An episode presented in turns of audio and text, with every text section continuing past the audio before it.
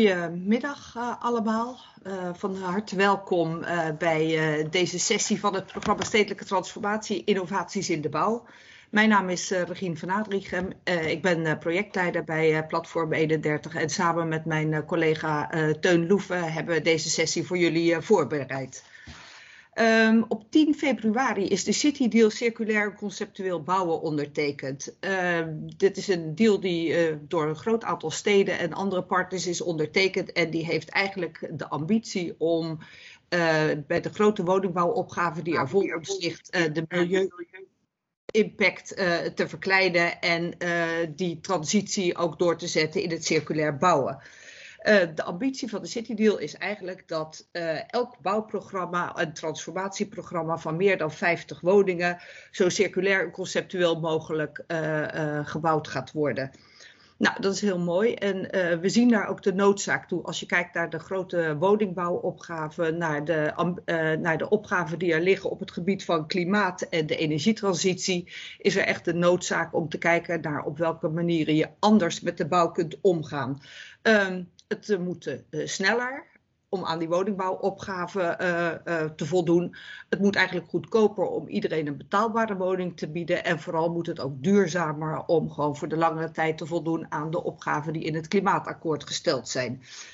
Nou, mooi gezegd, maar wel heel ingewikkeld. Dus hoe pak je dat nou aan? En daarvoor hebben wij aan drie partijen gevraagd om daar eens met ons naar te kijken. En dat gaan we vanmiddag doen. Um, dit is het begin, zoals al gezegd, van uh, heeft u vragen, stel ze in de chat en uh, wij gaan de sessie opnemen. Dus als u niet in beeld wil, uh, zet uw camera uit. Wij nemen de sessie op. Deze is op een later moment via onze website terug te kijken, samen met een kort verslag van de bijeenkomst. Wat gaan we doen? Uh, zoals ik al zei, vanuit drie perspectieven gaan we kijken naar de grote opgaven die er liggen uh, op het gebied van de bouw en welke innovaties er op dit moment al toegepast worden, wat er daar gebeurt, waar je tegenaan loopt. Um, we hebben als eerste een inleiding door Mariska Lauwman. Uh, Eindhoven heeft een, een, een, grote ambitie als het gaat om uh, duurzaamheid. En die wil ook proberen om de marktpartijen uit te dagen met hen mee te gaan in die ambities die zij in hun woonvisie hebben verwoord. En zij hebben een hele mooie proeftuin daarvoor ingericht om te gaan experimenteren met innovaties in de bouw.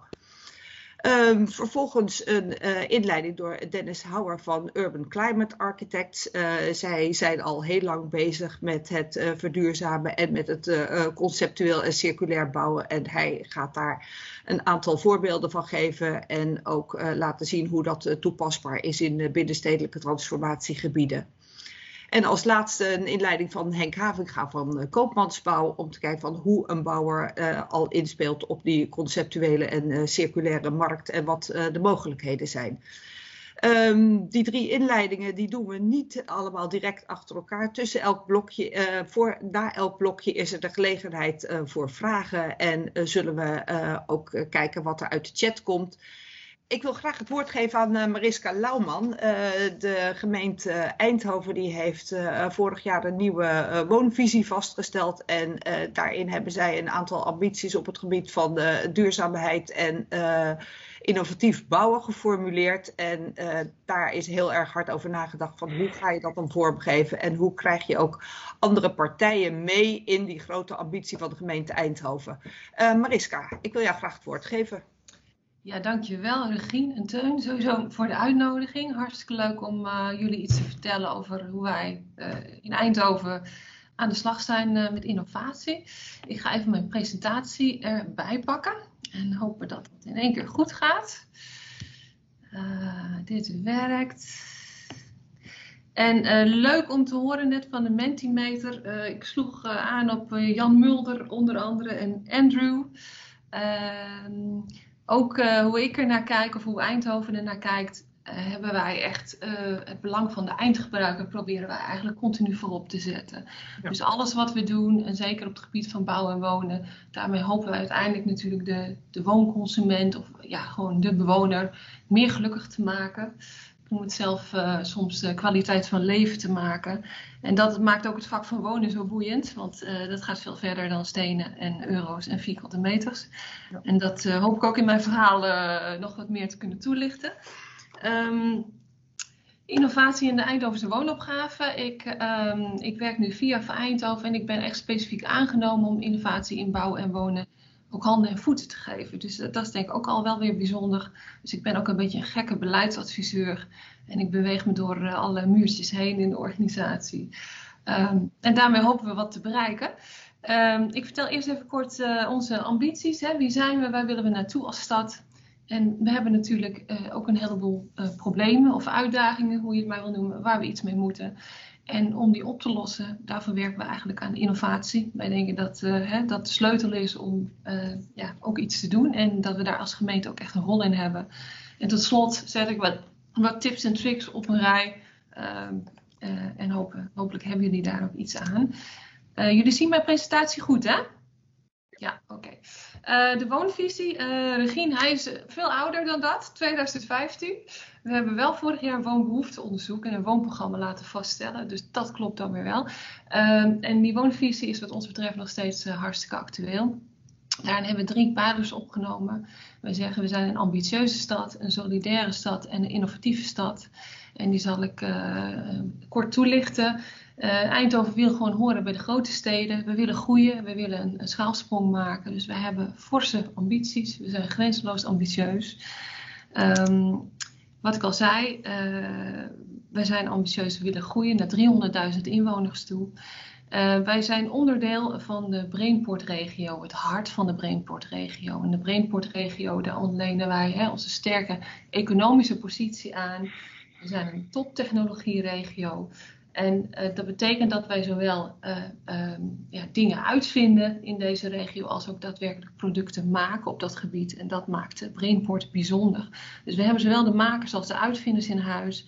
En we vinden dingen uit op het gebied van slimme mobiliteit. Uh, hè, lang geleden hadden wij als eerste de elektrische bussen, um, scanners, ingewikkelde medische apparatuur.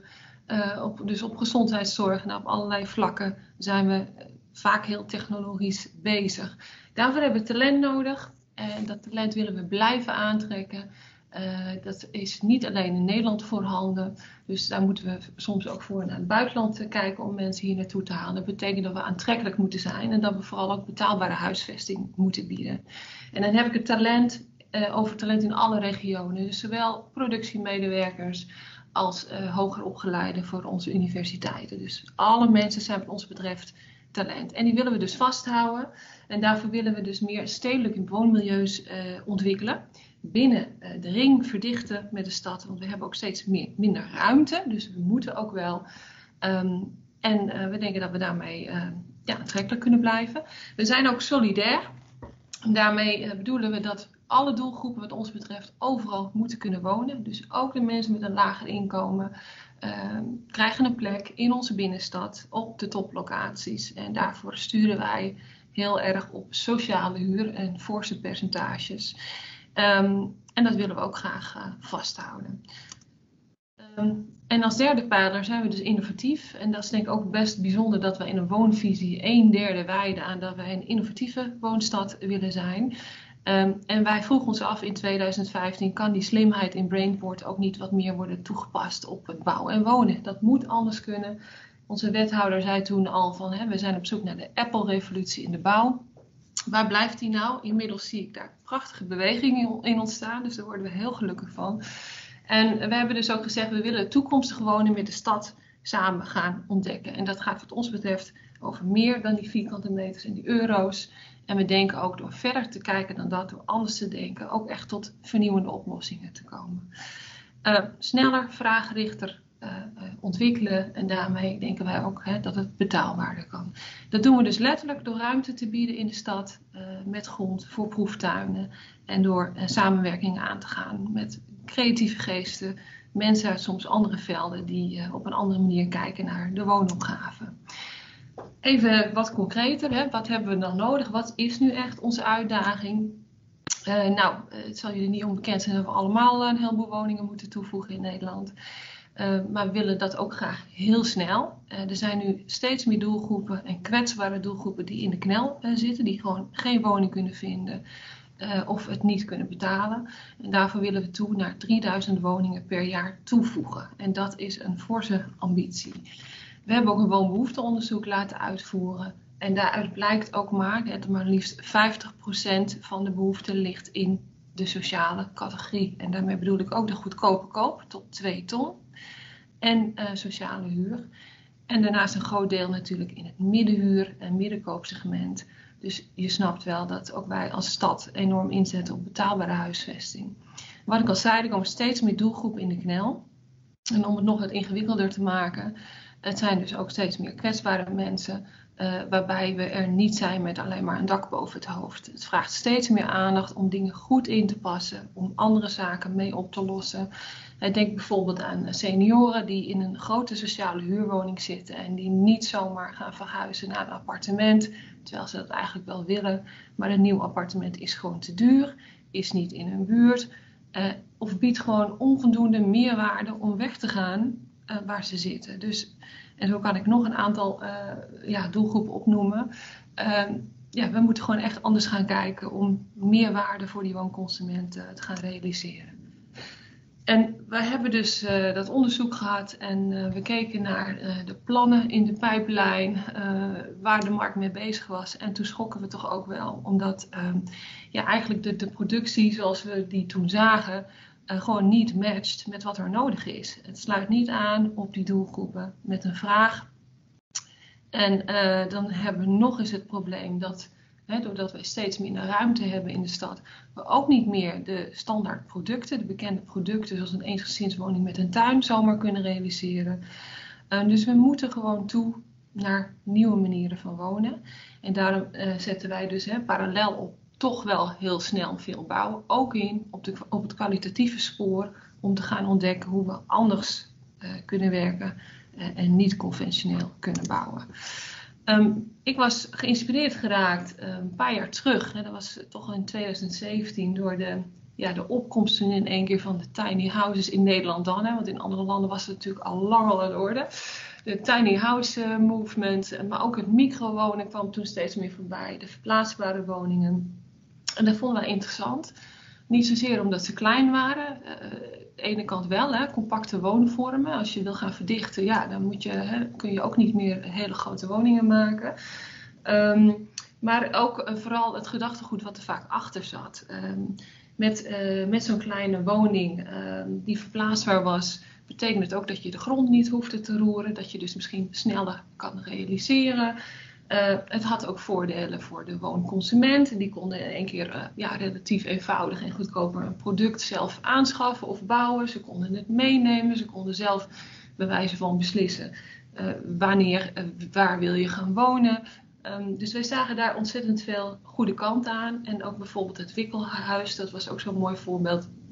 We kwamen met het idee om de woning per strekkende meter te verlengen ja, dat triggerde, inspireerde ons zo dat je dacht van wauw, hoe, hoe, gaaf is het als je een woning gewoon kan uitbreiden per strekkende meter. Weet je, hoe, ja, zo flexibel en aanpasbaar aan, aan, je levensfase. Hoe mooi zou dat zijn als we tot dat soort producten kunnen komen.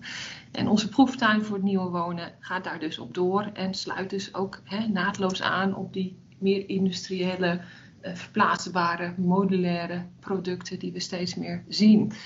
Uh, maar we wilden het wel graag wat meer uh, in de Eindhovense smaak. Veel van die, uh, ja, de, tiny houses in ieder geval, die gingen toch nog uit van veel hè, wonen in het groen. Ja, die plek kunnen wij niet bieden. Dus wij waren echt op zoek van kun je die dingen stapelen, kun je ze op daken zetten. Ehm, daar hadden wij bepaalde beelden bij, zoals ook deze plaatjes laten zien kun je niet een heel slim casco ontwikkelen. Dit is, dateert natuurlijk al uit de jaren 60 geloof ik van het slim bouwen. Maar goed, dat werd dan nu weer actueel. Kun je niet iets ontwikkelen waarbij je je woning zo kan inpluggen, dat je hem kan meenemen, dat je de techno technologie kan upgraden, noem maar op. Daar droomden wij over. En we zijn in gesprek gegaan met, met de markt, met de stad, met potentiële bewoners, om gewoon eens te polsen van mensen, wij willen graag een proeftuin opzetten voor Eindhoven, om nieuwe wonen te ontdekken. Zien jullie daar brood in? Uh, wat voor thema's zijn voor jullie dan interessant? En onder welke voorwaarden is een locatie in tijdelijkheid haalbaar? En nou, dat soort dingen hebben we allemaal met uh, de stad besproken.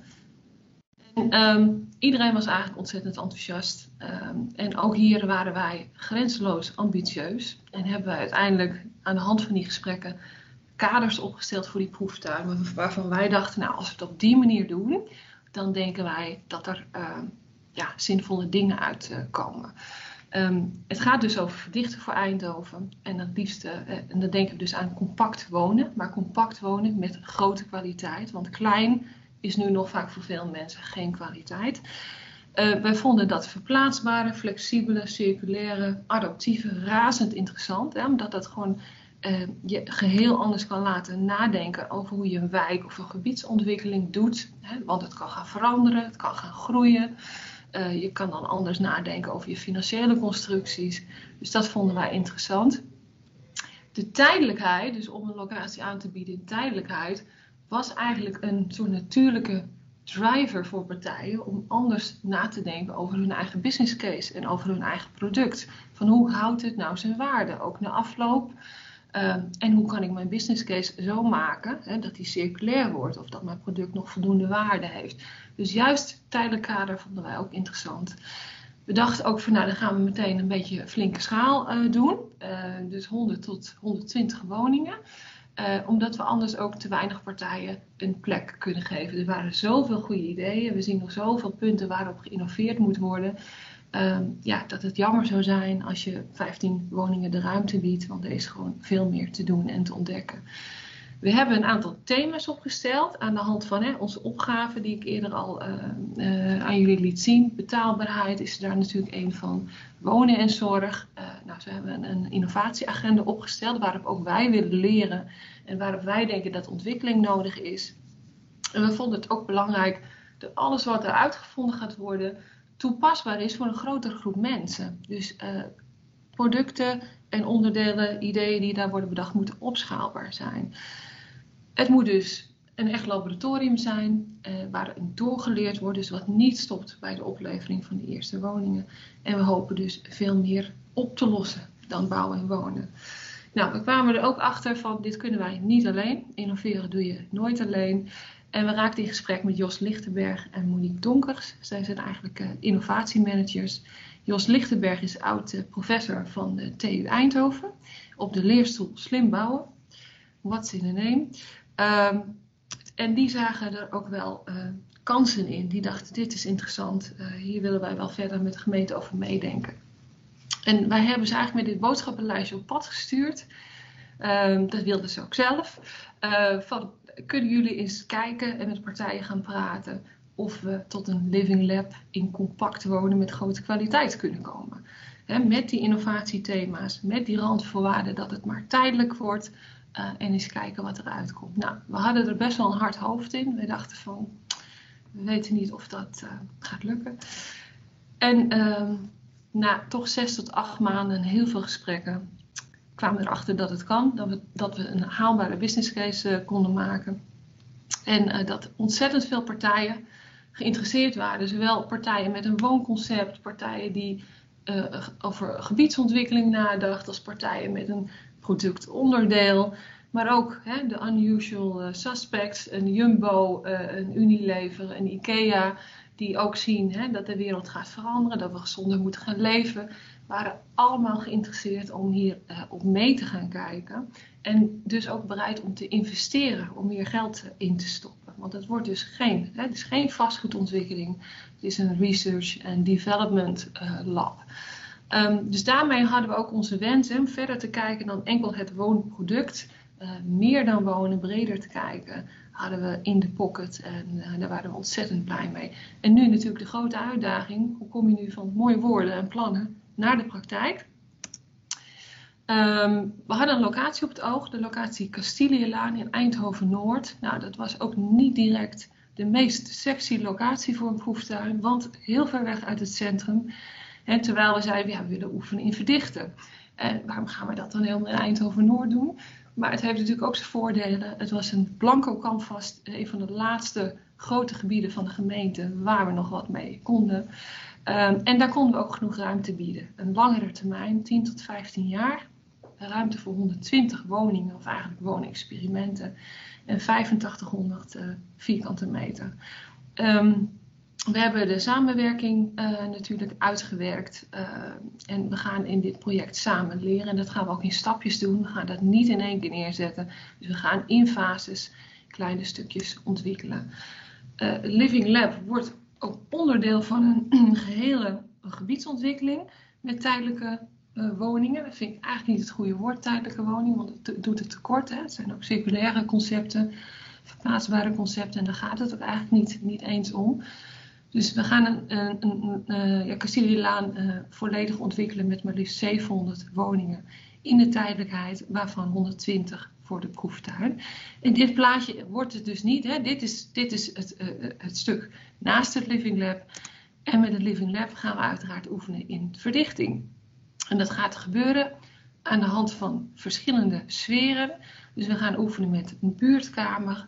Uh, daar gaan we eigenlijk de, de stedelijke woonwijk nabootsen, die dichtheid. En de stadskamer, dan gaan we echt de binnenstedelijke mix van wonen en voorzieningen nabootsen.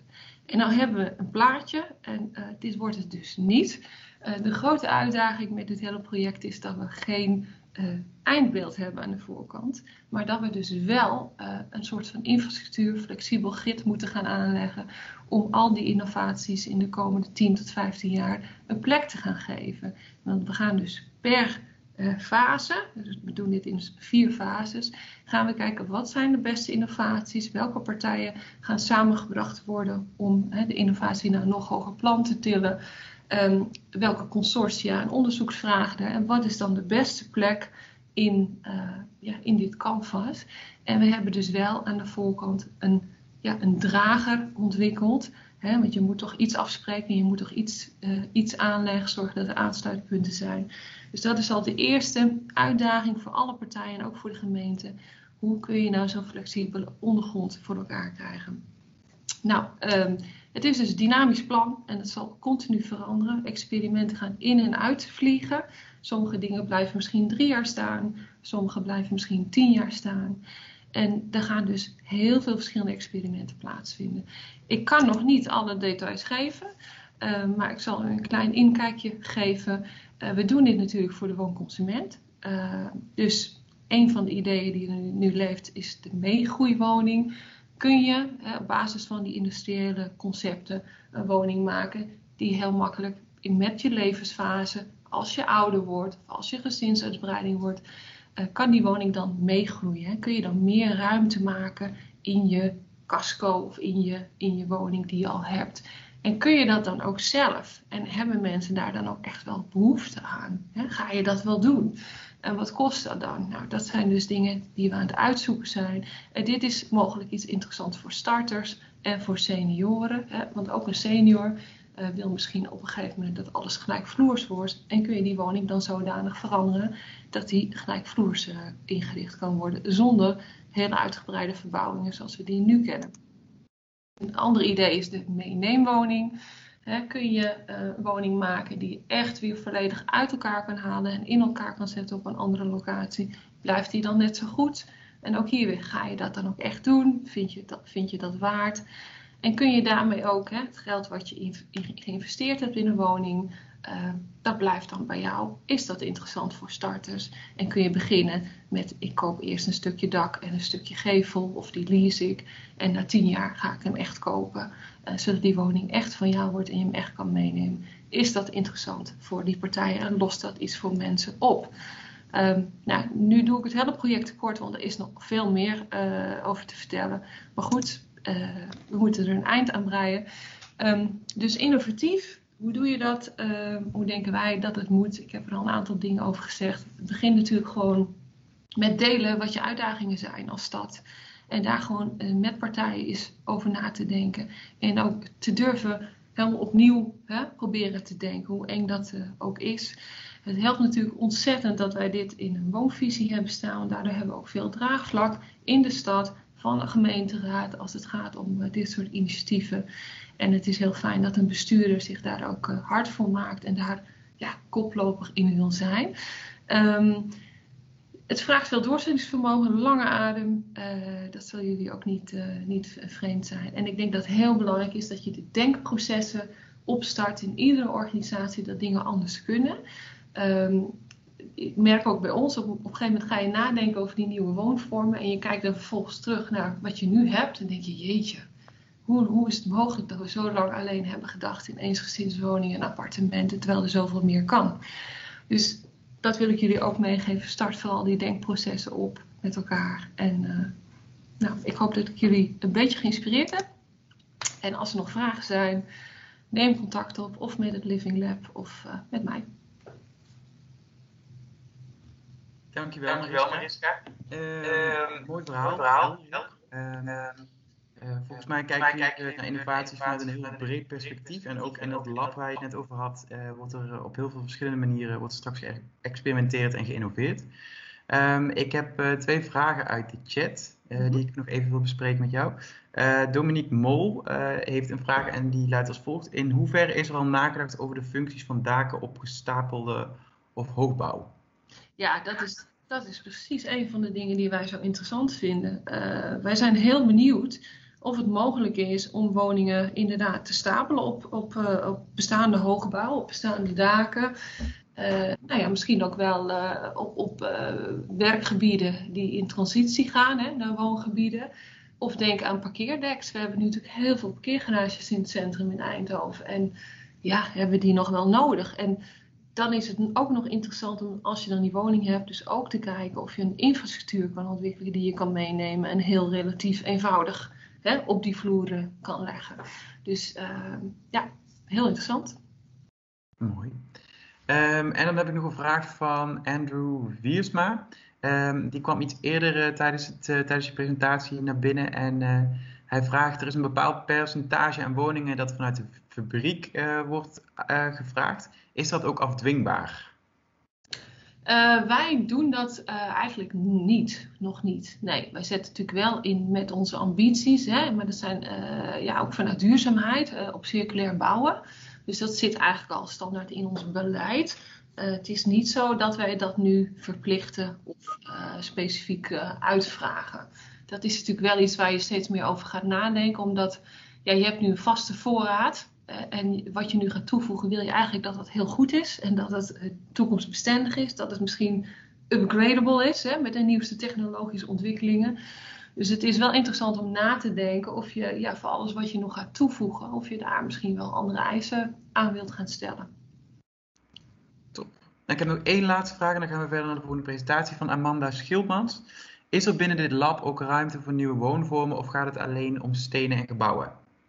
Nee, er is echt uh, in, in ja, het breedste wat je maar kan bedenken is ruimte voor.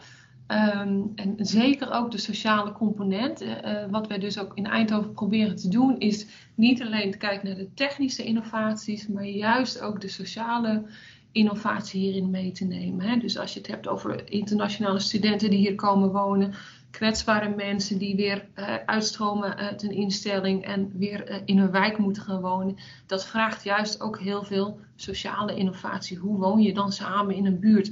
hoe moeten die huizen geordend zijn ten opzichte van elkaar? En wat doet het met iemand hè, als hij op een hoek woont of misschien juist in het midden? Dat zijn allemaal onderzoeksvragen waar partijen interesse in hebben en wat we ja, met al die partijen gaan onderzoeken. Dank. Ja, um, even kijken. Um, ik heb de vragen beantwoord. Um, dan wil ik verder gaan met de presentatie van Dennis Houwer. Ik heb uh, hier twee vragen voor, voorbereid in de Mentimeter. Die ga ik even voor jullie openen.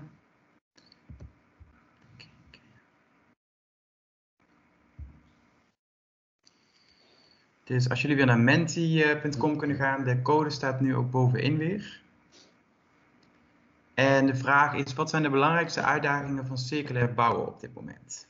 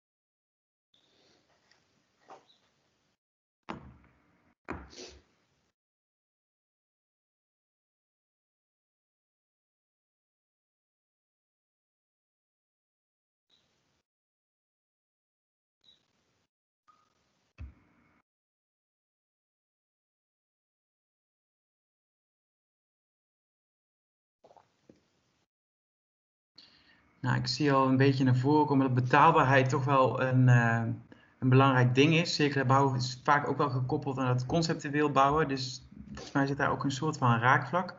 Uh, verder zie ik uh, draagvlak ook, ook wel interessant, en kwaliteit. Um, nou, we zullen zo even kijken um, hoe Dennis daar tegenaan kijkt. Ik ga ook nog even door naar de volgende vraag. En de volgende vraag um, luidt als volgt. In toekomstige gebouwen zit een verplicht percentage hout verwerkt. En we zien dat houtbouw nu steeds populairder ook aan het worden is, ook omdat het natuurlijk heel erg duurzaam is. Uh, maar denken jullie dat het in de toekomst uh, verplicht gaat zijn dat er een bepaald percentage wordt uitgevraagd?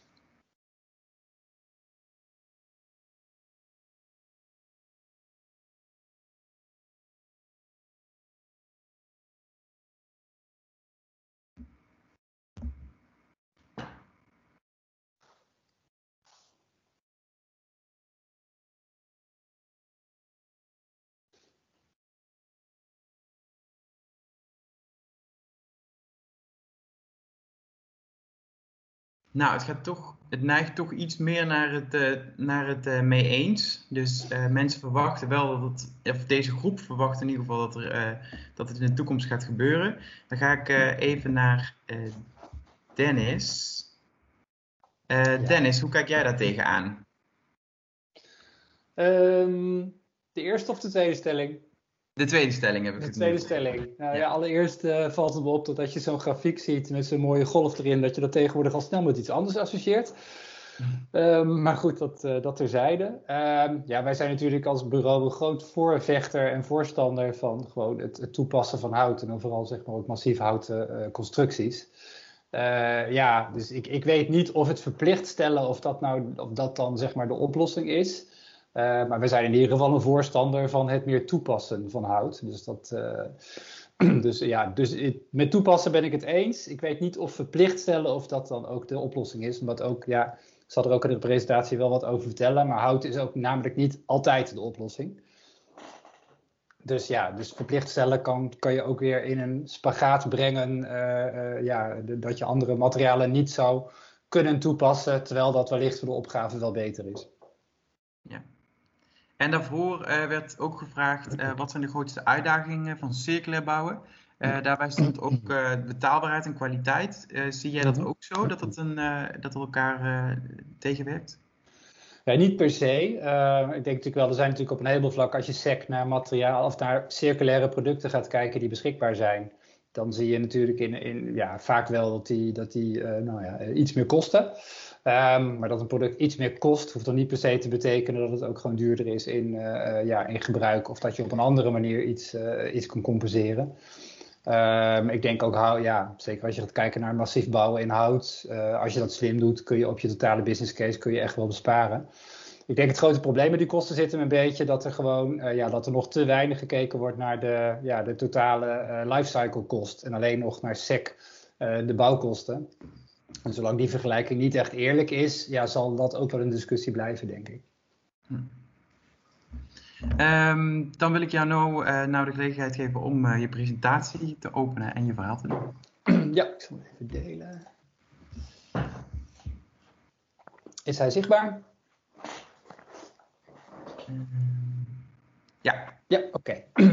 um, ja, goedemiddag. Uh, dank dat ik hier een, een bijdrage mag leveren. Uh, mijn naam is Dennis Houwer, architect-directeur bij Urban Climate Architects. Um, wij houden ons vooral bezig uh, met uh, ja, het verdichten in, in, in, in, bestaande steden. Dus wij werken eigenlijk bijna alleen maar aan binnenstedelijke opgaven in de grote steden. we zijn oorspronkelijk een bureau wat is gestart in, in Groningen. op een gegeven moment ook een tweede vestiging geopend in Delft. Uh, nou, die twee bureaus die werken op dit, op dit moment meer afzonderlijk, maar bij elkaar werken we met ongeveer een man of dertig. Aan eigenlijk een heel breed scala van projecten, met, met gewoon als kenmerk dat ze wel gewoon in het bestaande stedelijk weefsel uh, liggen. Uh, en dat er een, ja, een, een, altijd een hoge duurzaamheids- of circulaire ambitie is. Um, doordat je werkt in de stad gaat het ook veel over. We hebben veel in het verleden ook opgetopt. Ik zag net de vraag ook over het bouwen op bestaande gebouwen. dat doen wij veel. We hebben veel, zeg maar, niet alleen op kleine schaal, maar ook op grote schaal toevoegingen gemaakt aan bestaande gebouwen, aan winkelstraten, om zo nou, meer, meer woningen bijvoorbeeld in de stad te creëren en ook gewoon een stuk kwaliteit toe te voegen. Um, als je gaat kijken naar ja, wat is nou circulair bouwen, even zonder in een discussie te willen verzanden over wat nou een goede definitie is. Maar je ontkomt er toch niet helemaal om voor jezelf een beetje te bepalen van nou, hoe kijk ik nou aan tegen circulair bouwen en wat betekent dat dan voor mij of voor ons bureau in dit geval. En ik heb deze definitie gevonden in een, was een boekje van een Belgisch boekje van Circubeeld, dat is een naslagwerk over circulair bouwen zeer de moeite waard. Dus het is uh, leuk om op te vragen als je, uh, als je het interessant vindt. en uh, het gaat er eigenlijk om dat circulair ontwerpen en circulair bouwen, wat mij betreft, meer is dan alleen maar het toepassen van materialen. maar circulair gaat ook veel meer over het sluiten van kringlopen in het algemeen. dus ook op gebiedsniveau. hoe kun je nou omgaan met het sluiten van kringlopen? Niet alleen op materiaalniveau, maar ook op het gebied van energie, op het gebied van water, op het gebied van groen. Eh, eh, en hoe ga je gewoon slim om met ruimtegebruik? Ik denk die hele opgave bij elkaar uh, bepaalt voor ons ook ja, de circulaire opgave, hoe we die graag in, in, in projecten willen toepassen.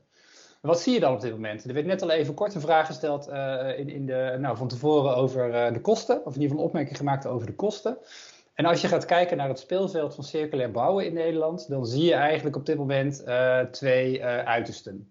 Even zonder een waardeoordeel aan, aan een van de projecten te geven hoor. Want alle projecten zijn denk ik uniek en mooi op zichzelf. Maar grofweg zie je denk ik eigenlijk dat aan de linkerkant van het spectrum zie je, ik heb het even genoemd, gebouwd met van materialen met ervaring. Zie je iets meer de experimentele projecten, uh, projecten wat iets meer uh, individuele objecten zijn. Bijvoorbeeld een Hof van Cartesius in Utrecht, waar gewoon een paar ja, hele enthousiaste initiatiefnemers achter zitten, die dat project helemaal getrokken hebben, de tijd genomen hebben om alles uit te zoeken, bij elkaar te zoeken en, en nou, het Hof te bouwen. De Keuvel, wat gewoon ook heel erg gebruikt, maar wat ook een soort broedplaats is eigenlijk. Onder, als derde laat ik zien Stadslab in Groningen, is een project van onszelf, wat we ook wat een soort in de evenementensector ook gewoon gebouwd is met materialen die uit die evenementensector komen. Dus delen van podia, de, om, om zo'n manier in elkaar te zetten. um, ik noem het dan ook even de zelfbouwprojecten. Dus vaak zie je dan dat men op zoek gaat naar wat zijn beschikbare materialen die, uh, of, of componenten die je kan gebruiken. En daar ga ik dan een circulair gebouw van maken. Aan de andere kant van het spectrum, ik heb het even de icoonprojecten genoemd, zie je projecten die, uh, uh, nou, waar vaak gewoon van tevoren de ambitie is gesteld van wij willen gewoon een heel circulair gebouw neerzetten. Neem een voorbeeld van Circle van ABN AMRO. Daar is gewoon gezegd, wij willen gewoon nou, het meest circulaire gebouw van Nederland gaan neerzetten. En dat mag dan ook wat kosten. Vaak zie je dus dat deze projecten ook in een wat hoger marktsegment zitten, uh, wat vaak ook kan, omdat er vaak ook een hogere opbrengst onder zit. Als je bijvoorbeeld kijkt naar hout in Amsterdam, als je op die plek bouwt, zit er ook gewoon opbrengst onder van 8.500 euro per vierkante meter. Dus dan kun je ook, ook in een wat ruimer budget, kun je, uh, kun je ook zeg maar geld uitgeven om uh, ja, het zo circulair mogelijk te doen in dat middensegment, daar zit eigenlijk, ik denk, nou, ik denk 80, 90 procent van de, van de bouwopgave in Nederland. Ik noem het mainstream. Wat zijn de projecten? De normale projecten. De projecten voor corporaties, sociale woningbouw. Um, uh, uh, ja, de, de, de, de, normale woningopgave SEC. En dat is eigenlijk de, de, de projecten die een beetje in, in, in dat middensegment zitten. En waar wij ons wel gewoon graag willen profileren. Dus dat is ook precies eigenlijk de plek waar wij graag voor willen ontwerpen. Omdat wij ook, ook vinden van ja, je moet een soort, soort um, uh, opschaalbaar principe hebben. Dus je moet schaal kunnen maken met, met circulaire principes. Uh, maar het moet, ook, het moet ook betaalbaar zijn. En het moet ook voor iedereen toegankelijk zijn. Als je dan gaat kijken naar circulair bouwen, dan zie je wel dat het extra kennis vraagt. Um, het vraagt meer kennis op het gebied van materiaal. Dus uh, wil je zeg maar gebruik maken, wil je bestaande materialen oogsten, uh, wil je, je moet, moet, mag, moet, moet meer van eigenschappen weten om een goede keuze en een goede afweging te kunnen maken. Of een materiaal toepasbaar is. Um, maar ook in bouwtechniek. Als je circulair wil ontwerpen, zul je ook van tevoren al na moeten denken van hoe zet ik iets in elkaar en hoe kan ik aan de afloop ook weer uit elkaar halen. Dus het gaat ook veel meer over modulair bouwen, over reversibel bouwen. Uh, hoe maak ik droge systemen en verbindingen? Dus hoe voorkom ik dat, uh, dat de, iemand met de peur en de kitspuit door het project gaat en alle kiertjes nog even dichtkit? Uh, wat uiteraard de oplossing ervan is ook weer dat je moet, juist ook moet ontwerpen op toleranties. Dus je kunt het wel heel mooi bedenken, maar als in de praktijk blijkt dat er ergens gewoon een spleet van 3 centimeter tussen zit, dan voorkom je gewoon niet dat er iemand met een kitspuit langsloopt en de hele boel gewoon dichtkit om toch te zorgen dat je die luchtdichtingseis bijvoorbeeld haalt. en integraal. Ik denk samenwerken met andere disciplines is cruciaal, uh, maar ook het nadenken over verschillende schaalniveaus. Daar uh, kom ik zo meteen nog op terug. En het integreren van kennis van andere vakgebieden. Uh, hoe kan ik meerwaarde halen met mijn ontwerp voor bijvoorbeeld ecologie, voor water, voor biodiversiteit. En vergeet, en bijvoorbeeld ook met je integratie van installaties. Maar juist ook het integraal nadenken over zo'n opgave kan tot meerwaarde op meerdere vlakgebieden leiden. En kan dus er dus ook toe leiden dat een project gewoon goedkoper wordt. Omdat gewoon de verschillende oplossingen afzonderlijk kunnen elkaar versterken en kunnen leiden tot een beter gebouw. Maar als we nou die invloed willen hebben, wat is dan eigenlijk onze invloed? Als je gaat kijken, uh, grofweg in vastgoed, gaat over drie dingen. Het gaat één over geld, twee over uh, de mens, de gebruiker, en drie over milieu. Uh, nou, je zou het ook zeg maar, kunnen zien als de drie P's, een wat oudere benadering al. Maar dit is wel grofweg zeg maar, waar, je, waar wij gewoon mee te dealen hebben en waar we mee te maken hebben. Als je gaat kijken naar geld, dan uh, uh, gaat het eigenlijk over één ding. Dat gaat over grond, stenen en zekerheid. Dus wat bepaalt nou wat de waarde is van een locatie? Dat is allereerst natuurlijk waar het ligt. Dus het scheelt natuurlijk of dat je een labgrond in Amsterdam hebt of in, of in het zuiden van, van Limburg. Wat is het verhuurbare oppervlak wat ik kan maken? Wat is het onderhoudsniveau? Hoe schrijf ik af? Wat is mijn puntensysteem? Een bar? nou, ga zo maar door. En eigenlijk dit soort schema's die je hier op het scherm ziet, dat is eigenlijk wat bepaalt wat de uiteindelijke waarde is van een gebouw. Terwijl wij ons als ontwerper gewoon liever veel meer mee bezig willen houden, is om te kijken waar is nou een gebouw voor bedoeld. Dus wat doe ik in zo'n gebouw? Uh, ik kan er, uh, ga ik wonen, werken, winkelen? Hoe ervaar ik zo'n gebouw? Dus als ik op verschillende schaalniveaus kijk, wat zie ik als ik naar een gebouw kijk? Wat hoor ik? Hoe voelt een gebouw? Hoe ruikt een gebouw? Um, dat gaat dus veel meer over aspecten als het ontwerpen van ruimte, het omgaan met daglicht, akoestiek, maar ook thermisch comfort, gezondheid. Dat zijn allemaal aspecten die je niet direct eigenlijk in het plaatje wat ik net liet zien over, over geld, wat je niet hierin terugziet. Ja, iedereen snapt dat als ik een woonkamer heb van 40, 40 vierkante meter en ik maak hem 1 meter breed en 40 meter lang, dat dat geen fijne woonkamer wordt. Maar waar ligt nou precies het optimum over hoe voelt een ruimte nou en hoe ervaar je dat en hoe zorg je er dan voor dat die ook gewoon opbrengt wat je wil? Tot slot eh, milieu. Nou, net even wat over gezegd. We willen van een lineaire economie naar een circulaire economie. Wat dus veel meer gaat over het sluiten van kringlopen. Dus hoe ga ik om met mijn energie? Hoe ga ik om met materiaalgebruik? Ecologie, groen water. Maar ook, wat kan ik doen om klimaatverandering tegen te gaan? En hoe kan ik oplossingen bieden voor opwarming in het stedelijk klimaat? Denk aan uh, een heat island effect, maar denk ook aan het grillige weerpatroon, waardoor we gewoon sneller te maken krijgen met water, uh, wateroverlast en droge periodes. Dat zijn allemaal oplossingen die ik mee kan nemen. De vraag is dus uiteindelijk, hoe kunnen we onze invloedssfeer vergroten om te zorgen dat we ook een meer evenwichtige en gebalanceerde opgave hebben? Um, door, uh, nou in onze optiek, door een circulaire conceptmatige aanpak te volgen, uh, door reversibel te ontwerpen, door na te denken over waarde en opbrengsten in plaats van in kosten, uh, door natuur inclusief te ontwerpen en door het sluiten van kringlopen, waarin voor ons een belangrijk speerpunt is, en daar ga ik zo even op door, het bouwen in massief houtconstructies.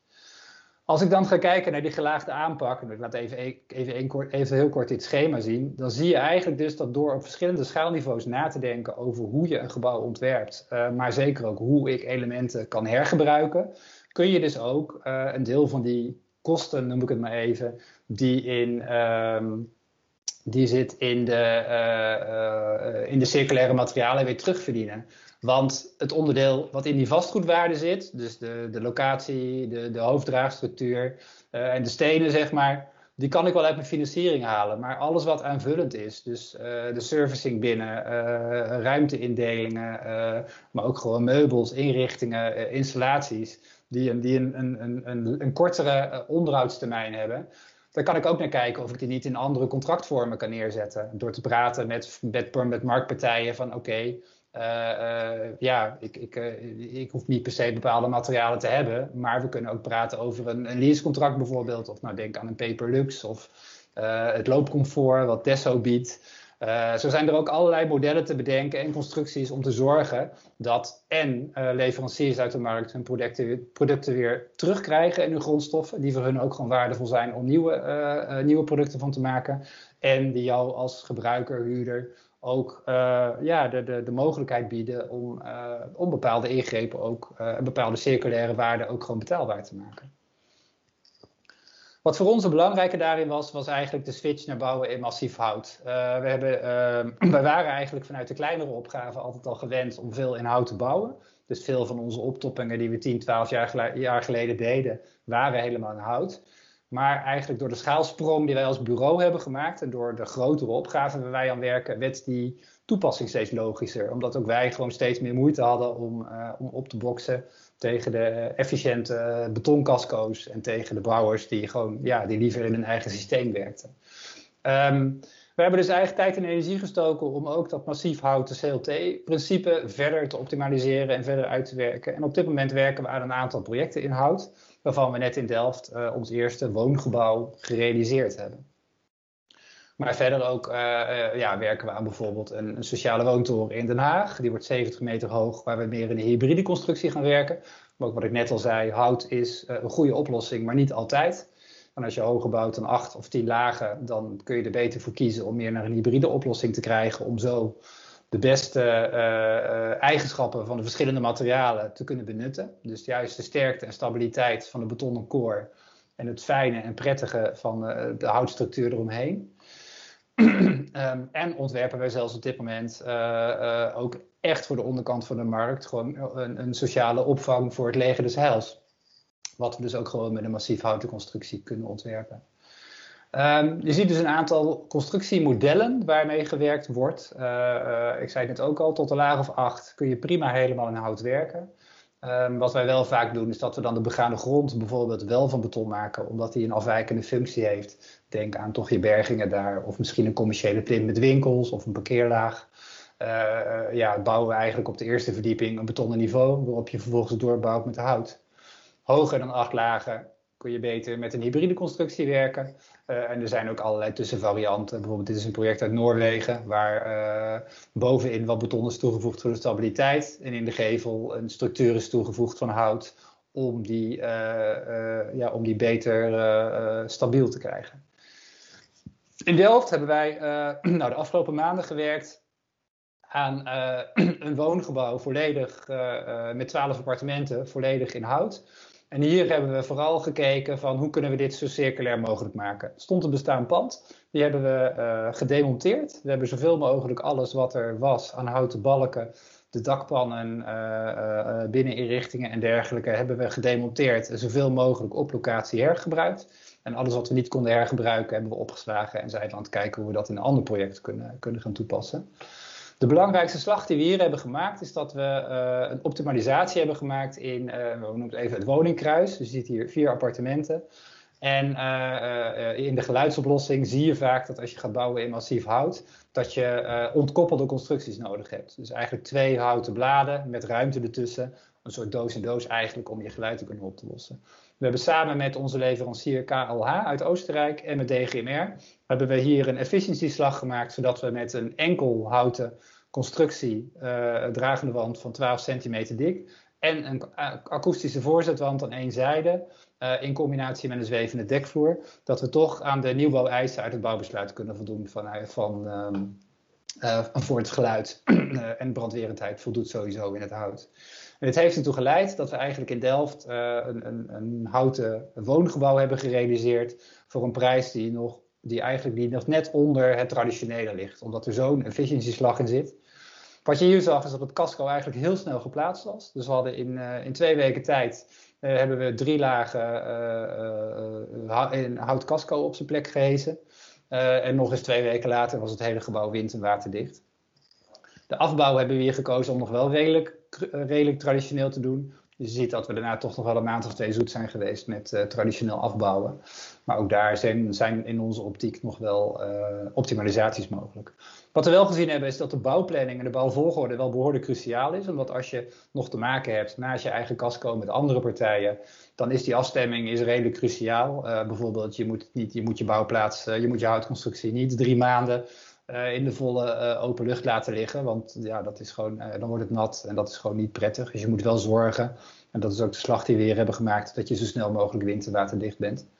Maar ook de afstemming vraagt aandacht. Vooral als je bouwt in binnenstedelijke locaties. mijn collega Ina gaat zo een verhaal vertellen over meer bouwen in houten modules. Uh, alleen wij hebben op dit soort plekken, zien wij daar gewoon ja, wat problemen mee. Omdat je gewoon ziet, we hebben gewoon te maken met bestaande gebouwen. En als ik hier tussen ga werken, dan heb ik hier, nou je ziet op deze foto, maar deze twee wanden zijn ook niet even veilig. Dus dat betekent dat de locatie niet maatvast is. Een CLT is behoorlijk maatvast. Maar ook zagen we dus dat in afstemming met andere materialen bijvoorbeeld. We hebben dus hier een betonnen vloer gestort met allerlei sparingen erin voor afvoeren, voor nuts. Uh, ja, en als dan vervolgens in werkelijkheid blijkt dat de sparing net 5 centimeter verkeerd zit, dan is dat lastig te compenseren in je CLT-casco, wat al geproduceerd is. Dat gebeurde hier dus. En gelukkig hebben we op tijd kunnen ingrijpen, omdat we nog net op tijd waren in de bouw. Omdat het op tijd signaleerde. Maar betekent wel voor ons dat we ook de volgende keer gaan nadenken. Hoe kunnen we meer flexibiliteit inbouwen in dat soort sparingen bijvoorbeeld. Om te zorgen dat, dat, ja, dat je ook gewoon de mogelijkheid hebt om een paar centimeter tolerantie op te vangen. Iets anders is dat als je bouwt in hout, is je ruwbouw eigenlijk ook je afbouw. Dus je, je hebt met veel zichtwerk te maken. In dit geval uh, gaat er één wand afgewerkt worden waar de akoestische voorzetwand komt, maar alle andere wanden blijven zichtwerk. Dus dat betekent dat je na moet gaan denken over wat wil ik met dit soort naden. Wil ik ze blijven zien? Uh, moet er een plintje over? Vind ik het niet erg dat er wordt het een schaduwrandje? Dus dat vraagt wel ook in een vroeg stadium al veel aandacht in je details. En wat we gezien hebben is dat veel biobased en circulaire materialen uh, niet geschikt zijn voor vochtige plekken. We hadden bijvoorbeeld te maken dat we tegen de bestaande bouwmuren aan moeten uh, isoleren, waar wij dus eigenlijk de vochthuishouding niet echt in de hand hebben. En daar hebben we uiteindelijk toch voor een uh, niet-circulair materiaal moeten kiezen, omdat we er niet uitkwamen qua, qua vochthuishouding. En toch een materiaal moesten kiezen wat, ja, wat, wat het vocht beter afsloot. Dus daar ligt wat ons betreft voor de markt nog wel een uitdaging. Wat is nou voor ons de volgende stap, ook met wat we hier geleerd hebben? Uh, nou, ik zei net al, we zijn bezig in Rotterdam met het realiseren van 50 woonunits voor een als een opvanglocatie voor het leger des Heils. Hier gaan we naast het systeem wat we hebben in CLT wandenvloeren en gevels, gaan we ook werken met een prefab gevelafwerking en prefab sanitair. Zodat we dit hele complex uh, in zes tot acht weken uh, kunnen gaan realiseren. En we zijn nu nog bezig met het ontwerp, maar de planning is dat het in het najaar van dit jaar gebouwd gaat worden. En in Dordrecht zijn we aan het kijken hoe we op een bestaand verzorgingstehuis een aantal lagen kunnen toevoegen. Waarin we inderdaad hier drie, vier lagen in CLT willen toevoegen. En op een aantal plekken uh, wat, wat torentjes gaan toevoegen in een meer hybride vorm. Hier gaan we dus ook werken met CLT-wanden, uh, vloeren, maar ook kolommen. Omdat deze torentjes zich meer met kolommen laten werken. Uh, en toch ook wel wat hybride erin. Dus dat we ook in deze, dit torentje waarschijnlijk wel met een betonnen stabiliteitskern moeten gaan werken. Tot slot, uh, ja, een aantal uh, tips en tricks, denk ik, uh, bij, het ontwerpen. als, je gaat, als je met circulaire materialen wil ontwerpen, bepaal waar je invloed op hebt. Want dat is gewoon, ja, de, de, de, daar kun je ook gewoon, daar kun je een verschil maken. Zorg dat je ook een gezamenlijke ambitie hebt. Dus zorg dat iedereen die aan tafel zit ook gewoon de neus dezelfde kant op heeft. Zoek daar de juiste partners bij. En denk na over montage op verschillende niveaus. Maar duurzaamheid is ook keuzes, keuzes maken. Uh, ik zou heel graag alles willen doen, uh, maar ik kan helaas niet alles. Al is het maar omdat sommige duurzame keuzes elkaar ook tegenspreken. Uh, bijvoorbeeld als ik heel erg inzet op materialen en ik gebruik PV-panelen, dan is het juist weer heel slecht voor mijn materiaalgebruik. Maar wel weer goed voor mijn, voor mijn energiehuishouding. Dus, de, dus dat soort afwegingen moet je ook maken en dan moet je ook keuzes in durven maken. En tot slot, wees vooral ook niet te bang om te leren tijdens het proces. Ik merk dat zeker techneuten, uh, waarvan ik er zelf natuurlijk ook één ben, nogal de neiging hebben om eerst alles helemaal uitgedacht te willen hebben en willen weten hoe het werkt en het dan pas te gaan doen. Maar ook met hout zijn wij gewoon in de diepe gesprongen en we zijn het gewoon gaan doen. En we hebben gewoon gedurende de weg ook gewoon veel geleerd over uh, ja, hoe, je, uh, hoe je materialen moet toepassen. Um, nou ja, het was natuurlijk 20 minuten is kort. Uh, ik kan me voorstellen dat er misschien ook nu na de discussie en na de vragen nog andere vragen zijn. Uh, neem gerust contact op, mijn contactgegevens staan erbij. Uh, ja, en ik vind het altijd leuk om, om door te denken, door te sparren over, over dit, soort, dit soort oplossingen. Dankjewel. Dank je, dank je Dennis. Uh, er zijn inderdaad ook een, eh, een, paar vragen in de chat die ik uh, gewoon graag even aan je wil voorleggen. Uh, misschien eentje om nog even terug te gaan op een van je laatste sheets, waarbij je zei van nou, we zijn toch soms wel eens tegen problemen met vocht aangelopen. En ik zie een vraag van Max Drat of er onderzocht is om niet het vocht tegen te werken door afsluiting, maar bewust met die luchtvochtigheid te werken. Bijvoorbeeld door, door een, een een dam, dampopen constructie, moeilijk woord.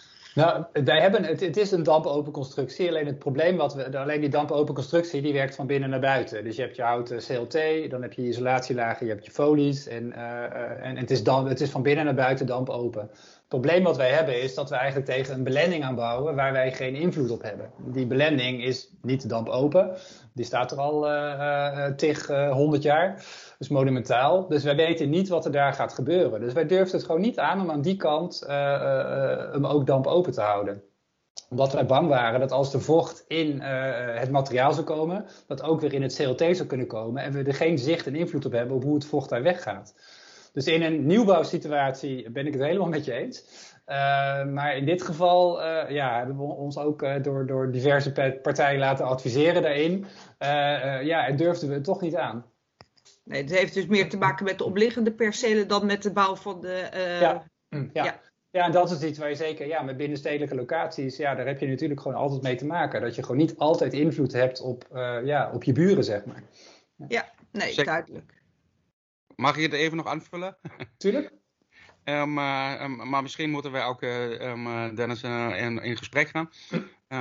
ik werk bij Primum, een onderdeel van Volker Wessels en Taveco de Bond.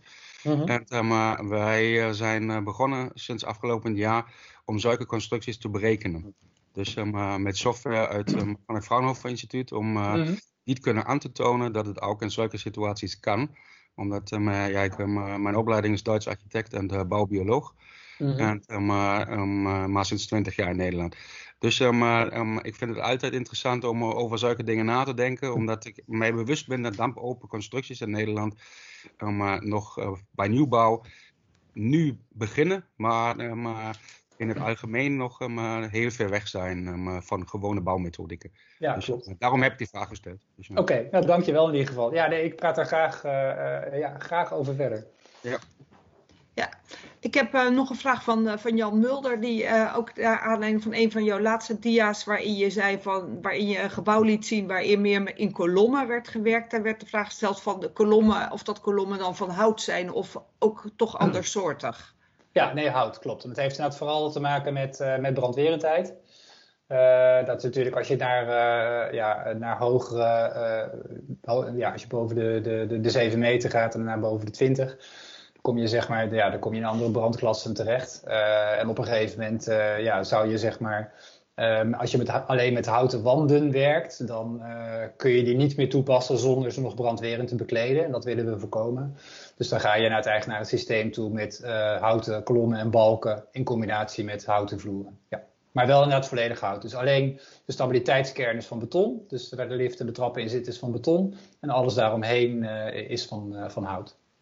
Oké. Oké, dank. En dan was er nog een vraag van Sabine Molmans. En ik bedoel, die vraag die is heel concreet. Hoeveel vierkante meter zijn deze appartementen en wat is de huurkoopprijs? Ik neem aan, uh, Sabine, misschien kun je de vraag toelichten waar dat die appartementen aan de mol slaan in Delft, uh, waar jij op doelt. Want uh, misschien even de microfoon aan. Ja, ik was zo druk aan het denken, zit in de slide uh, voor de volgende stap. Dus volgens mij was dat wat jullie ertussen gebouwd hebben. Ja. Ja, dat klopt. Dus net de Moswijn en Delft. Uh, wat was je vraag? Ja. Nou, dat, dat project wat jullie gedaan hebben, hoeveel vierkante meter zijn de appartementen? Of, of het huis? En ja. wat is dan de koopprijs daarvan? Uh, en dat ja, meer in het licht van betaalbaarheid. Ja, nee, de appartementen, dat zijn, zijn inderdaad studio's. Er zijn, er zijn Het zijn wat kleinere appartementen. Die zitten net uh, 45 vierkante meter ongeveer zijn ze. Sorry? 45, 45 vierkante meter, ja. En uh, ja, huurprijs zit een beetje tussen de 700 en 800 euro in de maand. Dat, uh... Ja, oké. En dan heb ik nog een laatste vraag. En dat is waarschijnlijk ook iets, uh, als je het hebt over inderdaad dat vocht. van de, hoe uh, los je uh, inderdaad de, de functie van natte cellen en installaties op bij houtbouw? Ehm, ja, in principe maakt dat niet zoveel uit. Je kan het hout, je, je kan er direct op tegelen ook zelfs. Dus, en het is, ja, dus in, in wezen werkt het hetzelfde. Het is ook niet erg als er vocht in het hout zou komen. Alhoewel je dat natuurlijk, ja, als je een badkamer maakt, wil je natuurlijk ook niet dat er vocht in je achterliggende constructie komt. Dus dat, uh, dus dat, dat voorkom je eigenlijk gewoon door, door dat op een. Ja, dat kan gewoon heel traditioneel. Dus je kunt gewoon direct op het hout tegelen, wat we in Delft ook gedaan hebben. Uh, maar wat ik aangaf, als je nog verder gaat in prefabricage, wat we bijvoorbeeld in Rotterdam voor Leger des Heils gaan doen, dan werken we inderdaad met prefab sanitaire units die daar nog geplaatst worden. Verder installaties en dergelijke, alle ja, uh, kanalen en dergelijke zijn van tevoren ingespaard. Dus die sparingen zijn in de fabriek al gemaakt. Uh, en Elektra is echt gewoon heel simpel, want dat hebben we ook gewoon gezien. Dat wordt gewoon, uh, je gebruikt je vloeren eigenlijk onder je dekvloer gebruik je als distributie. En op de plekken waar het in de wanden komt, daar, daar vrees je het in de wanden. En wij hebben dan vooral de wanden waar de voorzetwanden voorkomen gebruikt, om dat dan aan de, ja, aan de, aan de vuile kant op te lossen, zeg maar. Oké. Oké, okay. uh, dankjewel uh, Dennis uh, voor je bijdrage. Ik ga even een gewetensvraag aan nu allemaal stellen. Want wij hadden in het programma zo mooi elke keer een, tussen de presentaties een vijf minuten pauze ingeboekt. Um, ik zie dat de inbreng van de, de, sprekers gewoon net iets langer duurt en er ook nog wel wat vragen en discussie zijn. Dus um, Kunt u het uh, zonder de pauze, kunnen wij doorgaan naar uh, de derde spreker, dan uh, kunnen we in ieder geval redelijk in de buurt van de voorgestelde eindtijd komen. Nou, met, met u goed vinden gaan we, dat, gaan we dat gewoon doen. En dan gaan we eerst heeft uh, mijn collega Teun nog twee korte mentimetervragen. En daarna ga ik het woord geven van, aan Henk Havinga van Koopmansbouw. Uh, Koopmansbouw is al uh, bezig met het conceptueel bouwen en hij zal daar graag iets over toelichten. Teun, ik geef jou even het woord voor de mentimetervragen. Yes. Uh, even kijken. De, de, de, volgende vraag luidt als volgt. Wat zijn de voordelen van conceptueel bouwen bij binnenstedelijke gebiedstransformaties? Dus vooral, wat zouden de voordelen volgens jullie kunnen zijn bij het binnenstedelijk bouwen?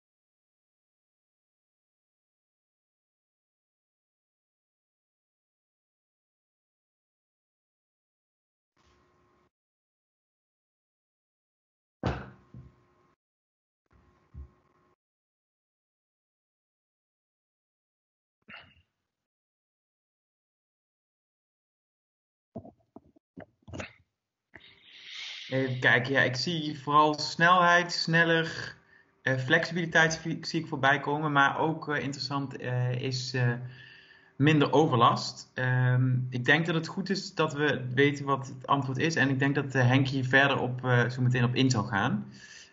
dan wil ik ook meteen door naar de volgende vraag. En dat is... Um, in welke mate wordt circulariteit meegenomen bij tenderopdrachten of bij gebiedstransformaties waar, waar u aan werkt?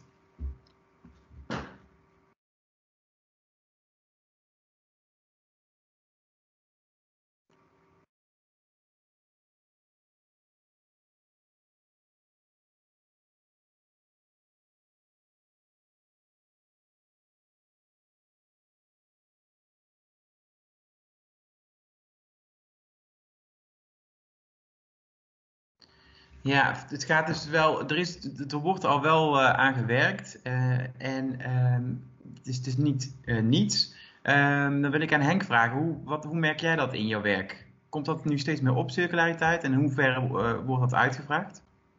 Ja, ik denk dat het, wat hier aangegeven wordt, 3.4, vind ik al eigenlijk iets te veel. Ik denk dat het iets minder is.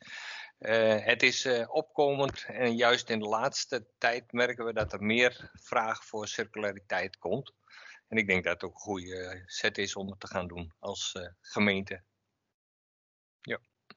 Mooi.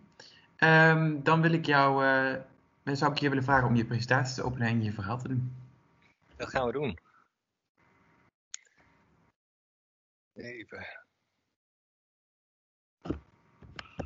Regine en Teun, uh, bedankt voor de uitnodiging. En leuk dat wij wat uh, over ons nieuwe concept mogen vertellen. Uh, we doen het even samen. Bram, mijn collega, die zit aan de chat. Dus als u vragen heeft, stel hem. Bram gaat die even beantwoorden. Koopmans is wel bekend in binnenstedelijke ontwikkeling. Of we nou in Utrecht zitten, of we doen een complete industriewijk in Harderwijk, of we zitten in Amsterdam of in Leeuwarden of in Groningen. we zitten eigenlijk overal, doen wij wel eens binnenstedelijke ontwikkelingen. En dat is we hebben dan ook gezamenlijk wel een uitdaging, want we moeten in 10 jaar 1 miljoen nieuwe woningen bouwen. De bestaande voorraad moet geüpgrade worden en getransformeerd. Dan hebben we nog in 2030 hebben we 50% minder primaire grondstoffen mogen gebruiken. En in 2050 een circulaire economie en een energie-neutrale non. Eh, wat is dan circulair bouwen? Nou, we hebben daarvoor een uh, concept ontwikkeld, dat heet houdbaar. En daar hebben wij eigenlijk een aantal kernwaarden in gemaakt. Eén, uh, we hebben genoemd circulair. Circulair, daar verstaan wij dan onder. Het moet remontabel wezen. Uh, en ook herbruikbaar. Van herwinbare grondstoffen, hout. Betaalbaar door standaardisatie. Duurzaam, gezond en comfortabel. En eh, kijk het naar betaalbaarheid eh, en naar de aantallen die wij moeten bouwen. Moet het op schaalbaar zijn naar grote aantallen. Hout is daar uitermate het goede product voor, want het neemt ook CO2 op. En we moeten natuurlijk het wel digitaal prefabriceren. Het is licht en we hebben een andere focus, want we gaan niet meer project denken, maar we gaan product denken. En daarvoor hebben wij een eigen uh, fabriek opgericht. Wij hopen dat die uh, rond de bouwvak klaar is en productie gereed uh, Q3. En dan gaan wij maken modules. Wij maken reeds modules op de wijze zoals jullie hier kunnen zien. met een volgende kenmerken. Het moet een vrije architectuur hebben en een vrije gevelafwerking. Gevelafwerking, of het nou in steenstrips is, gevelbeplating, bamboe of wat dan ook. Maar het moet wel voldoen aan het bouwbesluit, want wij bouwen wel voor een permanente bewoning. Wij gaan de productie ook in geïndustrialiseerd product moeten worden. Een product onder geconditioneerde omstandigheden, waardoor minder faalkosten eh, uiteraard met duurzame materialen en een CO2-opslag door hout. En op de bouwplaats kennen wij een plug-and-play, dus een korte bouwtijd van lichte bouwmaterialen, permanent en ook weer volledig demontabel, verplaatsbaar en herbruikbaar. Uh, de modules zijn zowel demontabel op moduleniveau als op elementniveau. Uh, betekent binnenwanden kun je dus hergebruiken, demonteren, hergebruiken, herinrichten. Hoe gaan we dat uh, doen? Uh, wij gebruiken geen CLT, maar we gebruiken juist LVL. We maken een vaste draagconstructie, waardoor je eigenlijk een minimaal aan materiaalverbruik hebt. als je CLT gebruikt, zeggen wij, daar waar hout zit, kun je niet isoleren. Dus je hebt extra ruimte nodig voor je materialisatie. Maar het is wel weer een fabrieks product. Dat betekent, wij hebben een standaard maat van de module. Met die module maken we allerlei vormen van woonvormen, van uh, grondgebonden tot gestapeld tot zorg. Uh, woningen die hebben een vrije hoogte van 260, daar voldoet hij aan. Uh, installaties worden van tevoren aangebracht. De modules zijn compleet ingericht met badkamers, toilet, keukens en ook binnenwanden, demontabel, herbruikbaar, verplaatsbaar. Links ziet u uh, het plaatje, uh, hoe wij de modules plaatsen. Ehm, we maken nu de modules op een kleinere locatie. Dus wij hebben hier heel bewust gekozen om de buitenschil niet aan te brengen. Want dan hadden wij meer tijd om de nieuwe module te maken. Maar als de fabriek in Q3 dit jaar gereed is, dan wordt ook de buitenafwerking in de fabriek aangebracht. En wij plaatsen per dag een grondgebonden woning van 9, 9 eh, modules.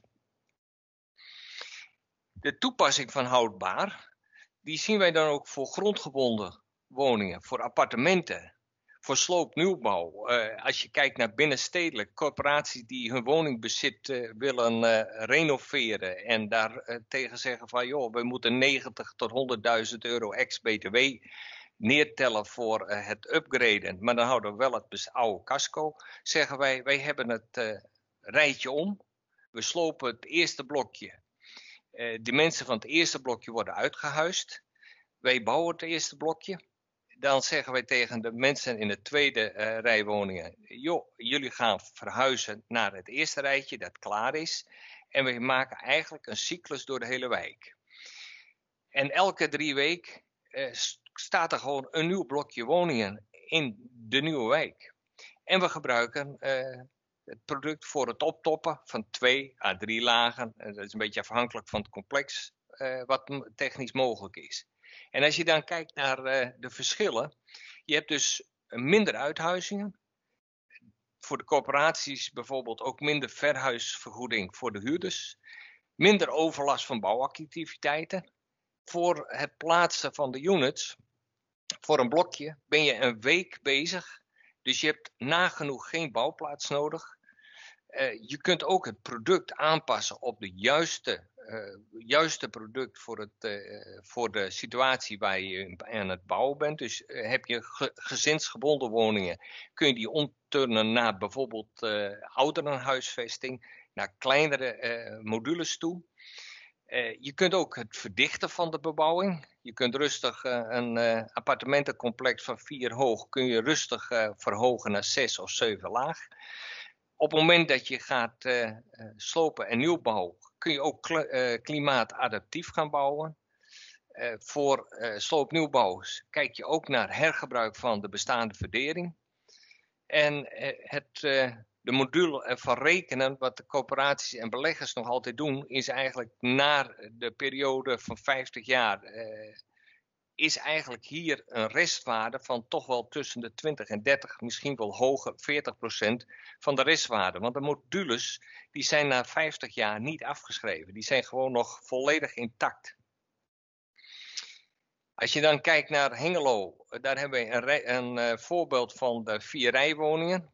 Waarin uh, het eigenlijk gaat om traditionele aanblik.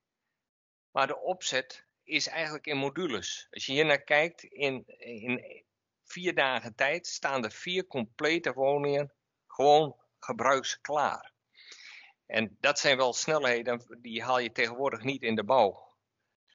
Als je hier naar Utrecht kijkt, daar hebben we een tenderopgave. Eh, de uitvraag van de gemeente, die had twee uitvragen en dat is wel heel essentieel.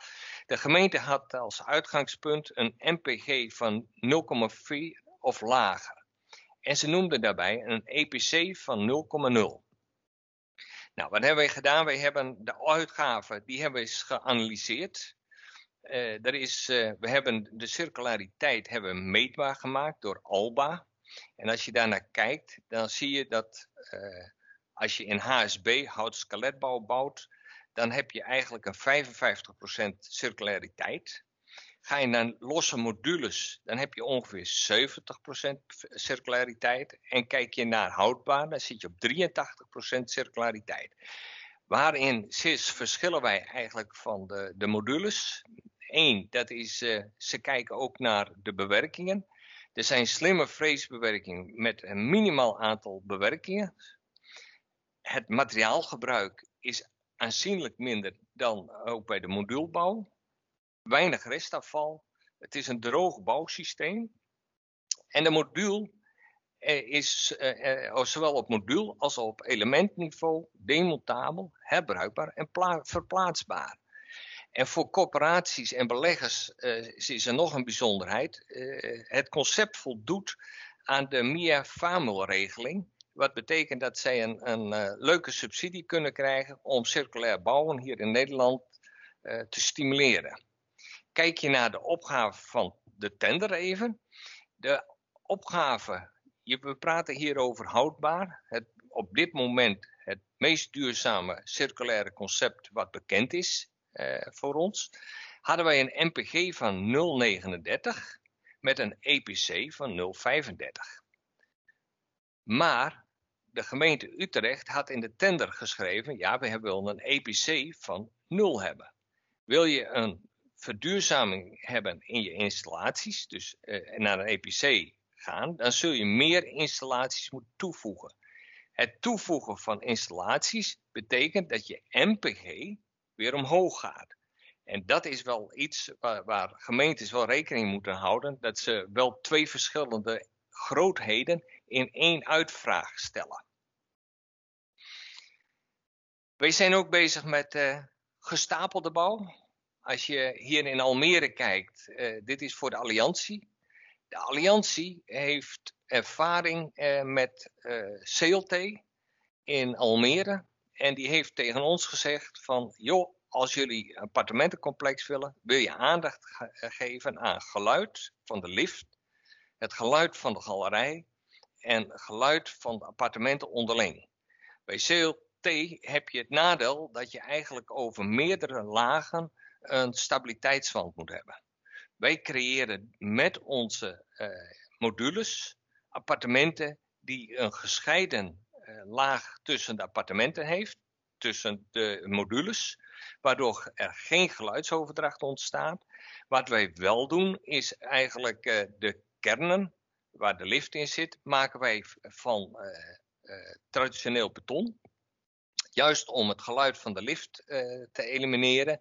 En waar we ook voor zorgen is dat de galerijen die aan de buitenkant zitten, en dat laat ik hier even zien, ook vrij zitten van het casco in principe heb je hiermee eigenlijk een volledig circulaire uh, appartementen gerealiseerd in modules.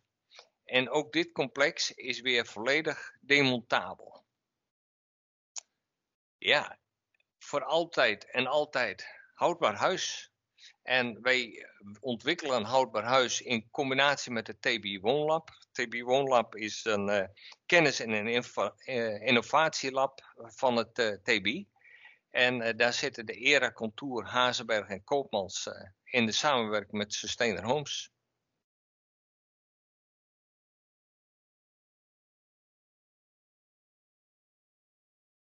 Kort, maar krachtig.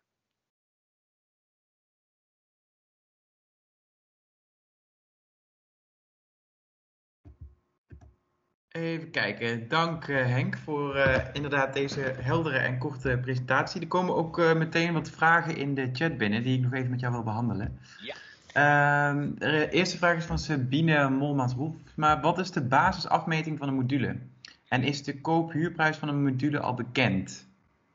Dat vraagt ze ook omdat, er, omdat ze voornamelijk betaalbare woningen wil realiseren. Ja. de moduulmaat is 520 bij 335. Uh, wat wij eigenlijk doen is, uh, je kunt uh, de modules achter elkaar plaatsen, maar je kunt de modules ook overdwars plaatsen. Dus dan krijg je een andere richting.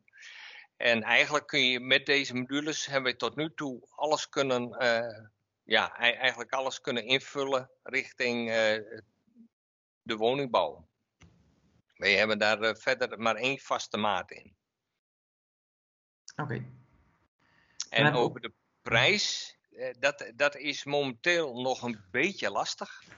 Uh, zo heel eerlijk in wezen, maar dat heeft ook wel een beetje te maken. Je, je bouwt nu nog in, uh, in de omstandigheden dat je in een voorlopige opslagruimte maakt.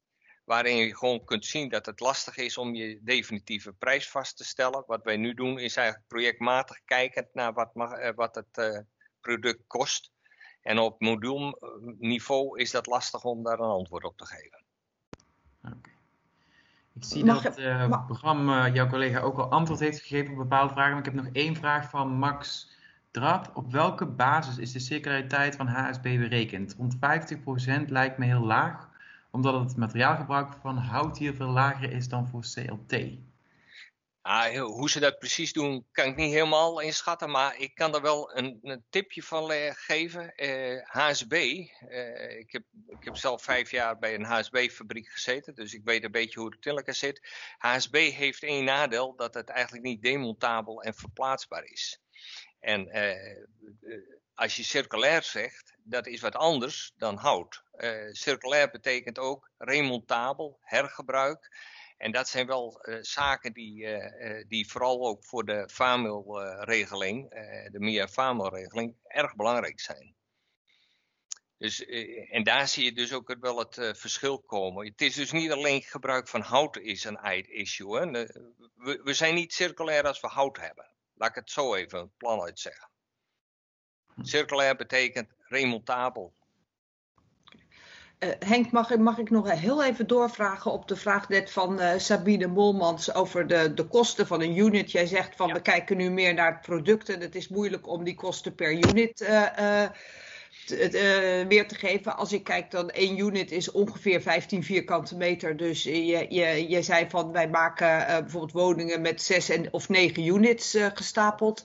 Als ik dan denk aan zo'n woning, kun je daar dan uh, een prijsindicatie voor geven? Ja, dat kan wel. Wij zitten tussen de 5 en de 10 procent duurder dan de traditionele conceptwoningen van ons.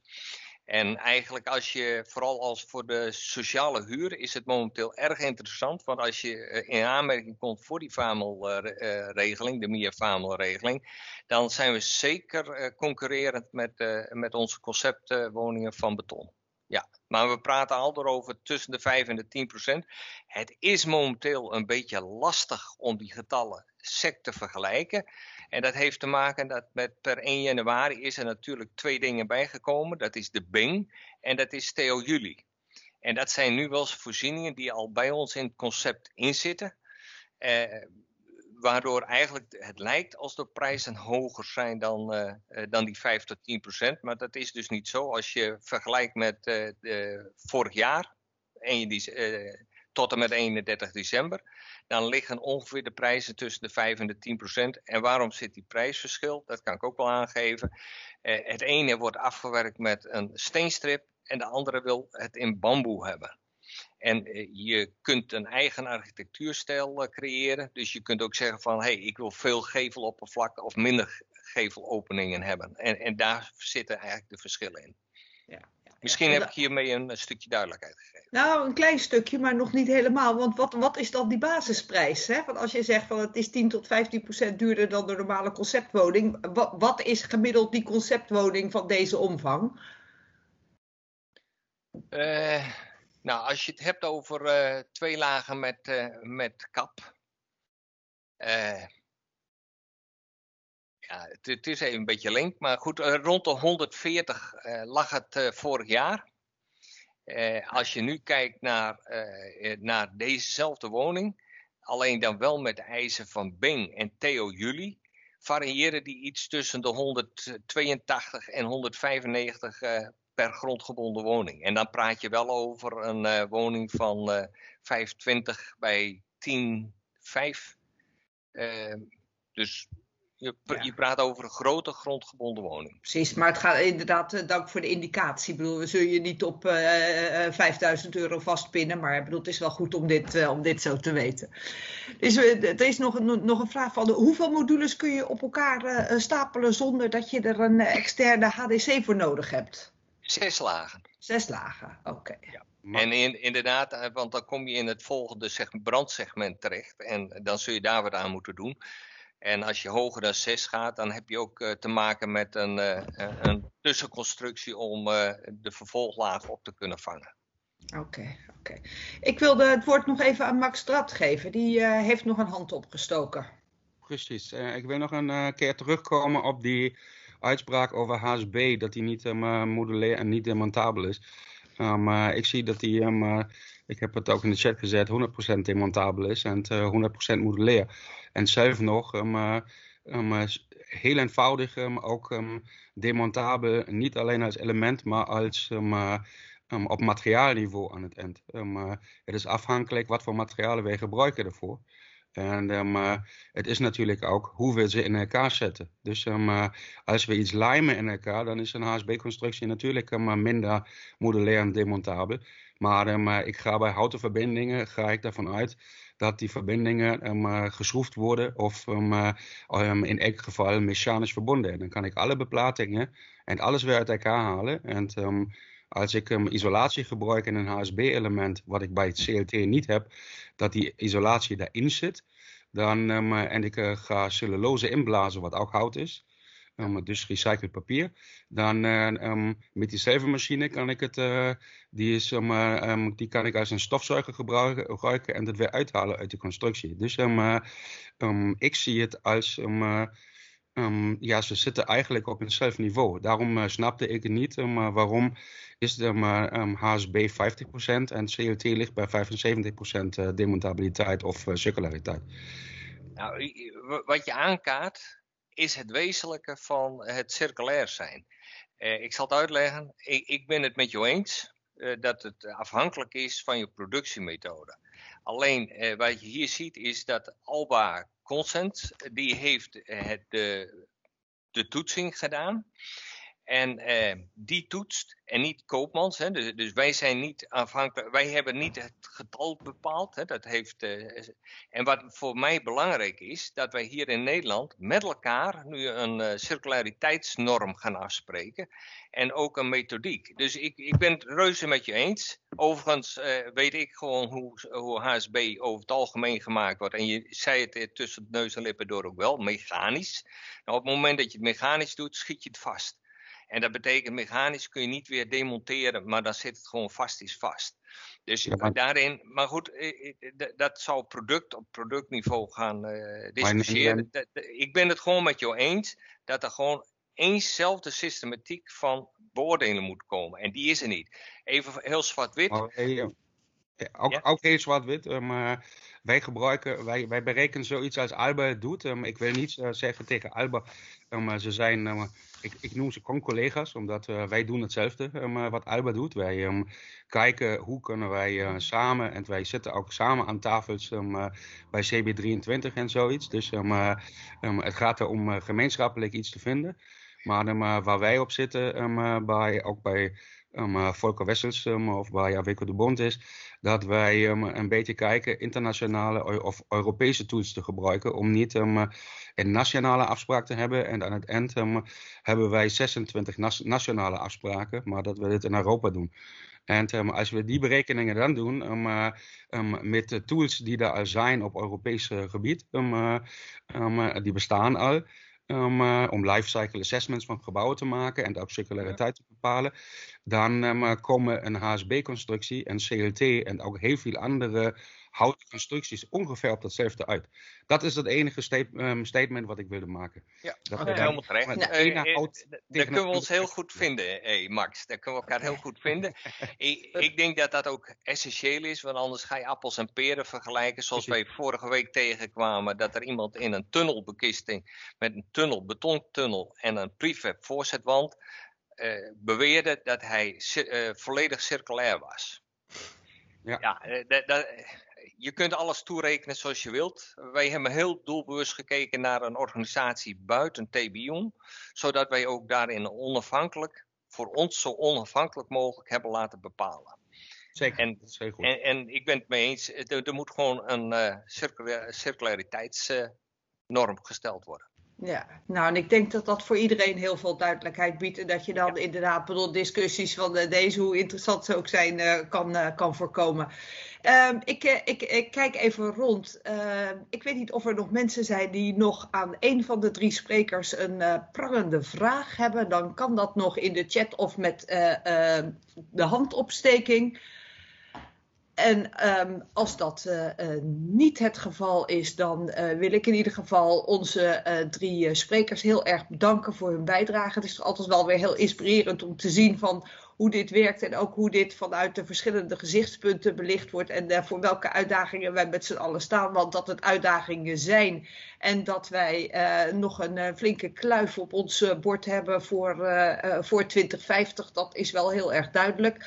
Dat is ook wel duidelijk aan wat je de afgelopen weken weer in de media zag als het gaat om de opgave van het klimaatakkoord. Dus daar gaan we met z'n allen heel hard mee aan de slag. Um, iedereen heel erg dank, ook uh, uh, voor het meepraten in de chat en voor het luisteren. Um, de presentaties die uh, krijgt u allemaal toegestuurd en op korte termijn dan zal deze uh, deze sessie ook uh, terug te zien zijn via onze website met nog een, uh, een kort verslag van de belangrijkste dingen die wij hier besproken hebben. Nou, heel erg bedankt. ik hoop u graag weer terug te zien op een volgende sessie van het programma Stedelijke Transformatie. Een fijne avond en tot de volgende keer. Hey, bedankt. Dag. Ja, bedankt.